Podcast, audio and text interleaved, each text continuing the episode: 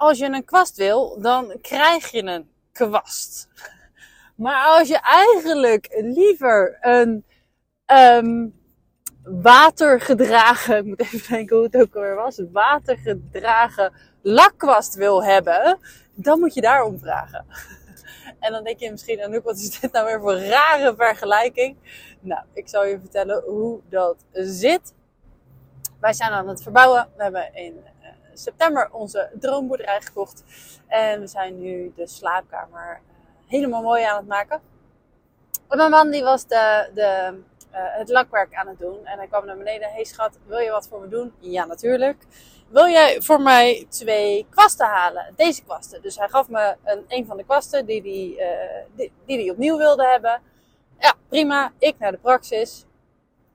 Met die kwast. Oké, hij moet hierop lijken. Dus ik kom thuis. Het merk wat ik meekreeg, dat hadden ze niet meer. Dus ik heb gewoon gekeken naar, hey, wat komt er het dichtst bij in de buurt? En dan komt thuis, ja, is dit een uh, watergedragen lakwast? Uh, weet ik veel. Jij vroeg om een kwast. Weet ik veel dat jij een watergedragen lakkwast wil hebben. Weet ik veel dat daar verschil in zit. En uh, dat, kwam dat bracht me eigenlijk bij uh, het feit dat ik vaak ook, wanneer ik de eerste start-up sessie heb met de nieuwe rebellen in het collective, dan omschrijven ze bepaalde dromen en doelen. Um, maar die zijn eigenlijk helemaal vrij interpreteerbaar. Dus van ik wil, ja, ik wil gewoon ontvangen wat ik nodig heb om een purpose te kunnen leven. Ja, maar wat is dat dan? Wat heb jij nodig om je purpose te kunnen leven?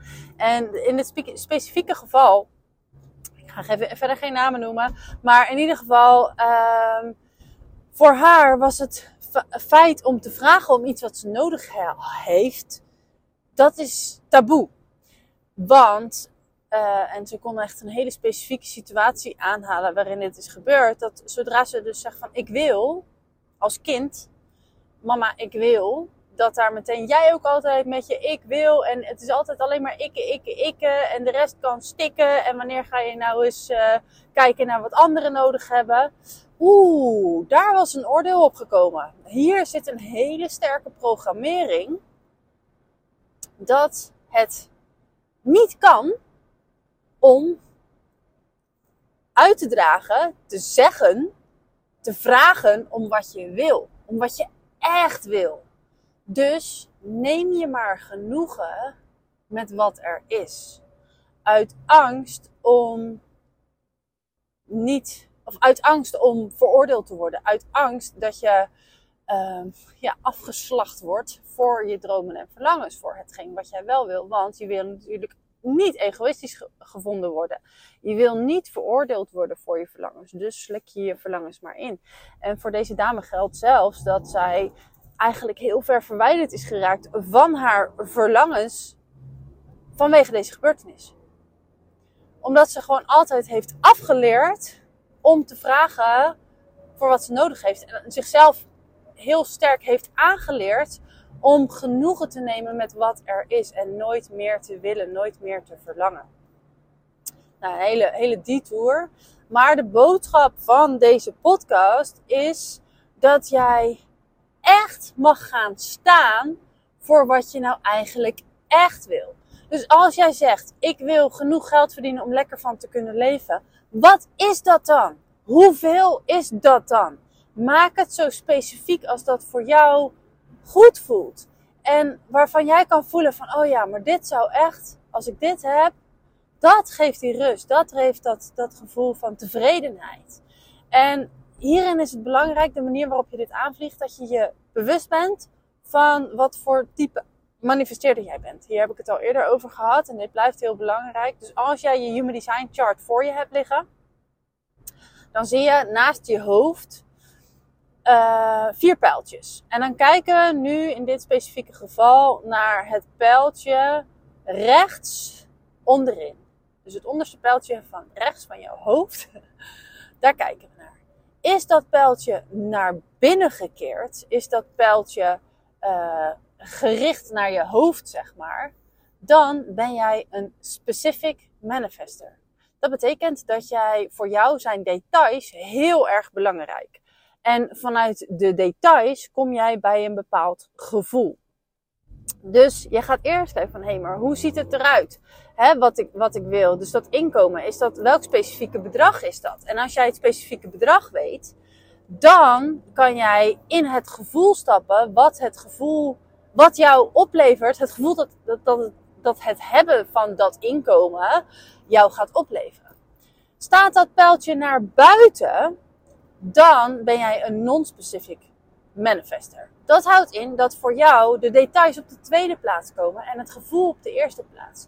Dus jij stapt eerst in het gevoel van hey, ah, weet je, er, wat is genoeg? Er is genoeg. Hoe voelt het om genoeg te hebben? Hoe voelt het om uh, in overvloed te leven? Hoe voelt dat? En vanuit dat gevoel kan jij daar een bepaald bedrag aan hangen, een bepaald inkomensdoel aan hangen. Dit onderscheid is belangrijk, want anders is de kans groot, en ik heb dit zelf echt de hele tijd gedaan, dat je jezelf ontzettend in de weg gaat zitten, omdat je niet bij het gevoel kan komen, omdat, uh, in mijn geval, ik ben een non-specific manifester. Um, en ik was heel erg gefocust op de details. Ik had echt gewoon een heel specifiek getal waar ik me iedere dag op focuste. Maar dat specifieke getal, dat bracht mij niet bij het gevoel. Dat bracht mij eigenlijk eerder bij het gevoel van schaarste. Van ik heb het nog niet, het is er nog niet. Dan dat het me het gevoel opleverde hoe ik denk dat het zou zijn als ik dat bedrag op mijn bankrekening zou hebben. Of als ik dat uh, inkomen maandelijks uh, zou, uh, zou ontvangen. Dus vanaf het moment dat ik dit ben gaan omdraaien, eerst het gevoel en daarna de details, kan ik er veel beter bij. En lukt het me ook gewoon iedere keer. Dus dit is een hele belangrijke nuance. Maar, dus even terugkomend op de inhoud van deze podcast. Het is belangrijk dat jij echt durft uit te komen voor wat het nou is wat je eigenlijk echt wil. Wat heb je nodig? Wat wil je nou echt? En jij mag gewoon je verlangens claimen. Jij mag gewoon zeggen, ik wil dit. Dus dat is met die, met die kwast. Als je zegt van, nou, ik wil een kwast. Nou, prima. Dan krijg je gewoon maar een kwast. En dan is de kans heel groot dat die kwast niet voldoet aan jouw verwachtingen. En dat je dus eigenlijk een beetje teleurgesteld bent. Maar als jij dus durft te zeggen van, hé, hey, ik wil een watergedragen lakkwast van dat en dat merk en van die en die grootte. Dan kan nou ja, ik in dit geval, maar of het universum daarin faciliteren. Denk, hé, hey, oké, dit is wat ze dus echt wil.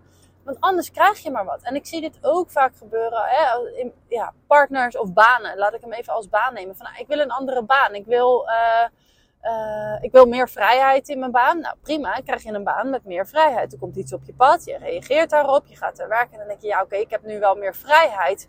Maar ik ben totaal niet bezig met wat ik eigenlijk echt wil doen die details zijn belangrijk.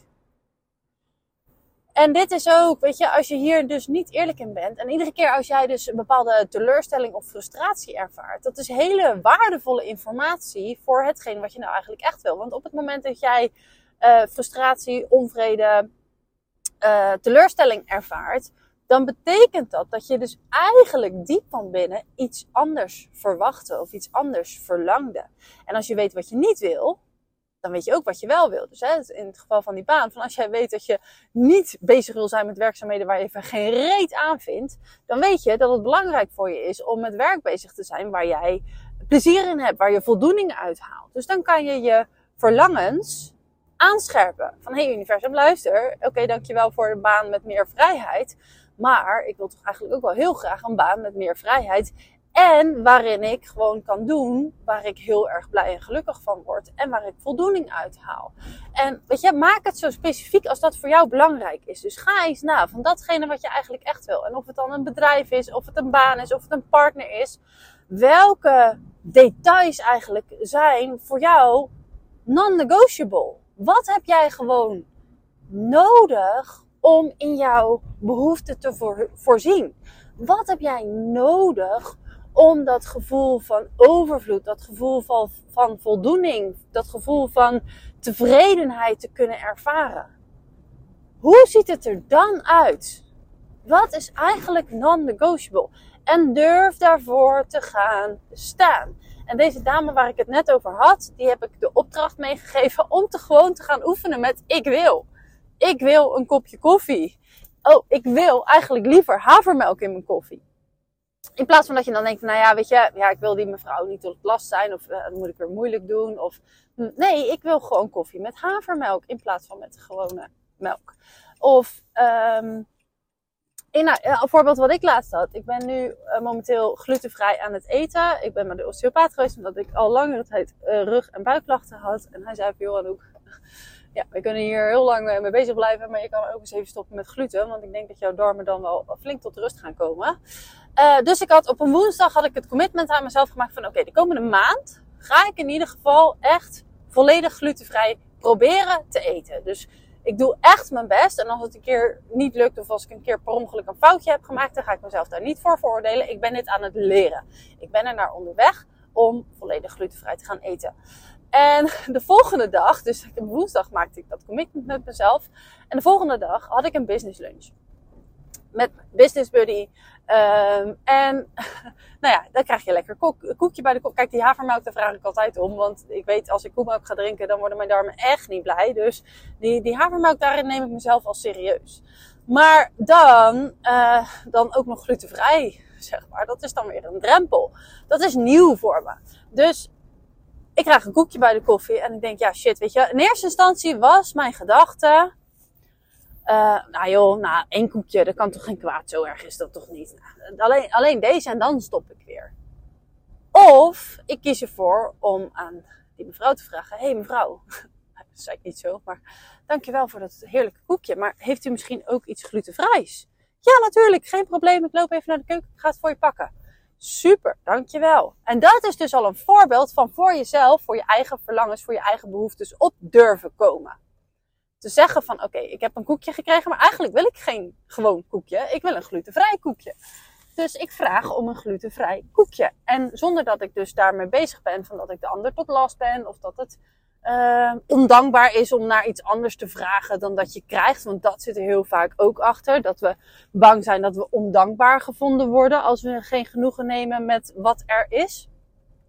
Nee, ik wil graag een glutenvrij koekje. En daar ga ik dus om vragen. Dus deze opdracht heb ik ook aan, aan de dame van vanochtend meegegeven. Van hey, ga hiermee oefenen. Ik wil. Kom maar op voor je eigen belangen. Dus wat wil je nou echt? Kom daar eerst eens eventjes mee in verbinding. En durf daarom te vragen. Maak het zo specifiek als goed voor jou voelt. Als jij kunt voelen van hé, hey, hier voel ik me blij bij. Hier voel ik me goed bij. Dit is wat ik eigenlijk echt wil. Zonder het kleiner te maken. Zonder het minder belangrijk te maken dan het eigenlijk voor jou is. Dus dat is de boodschap van vandaag. Neem je eigen dromen en verlangens serieus.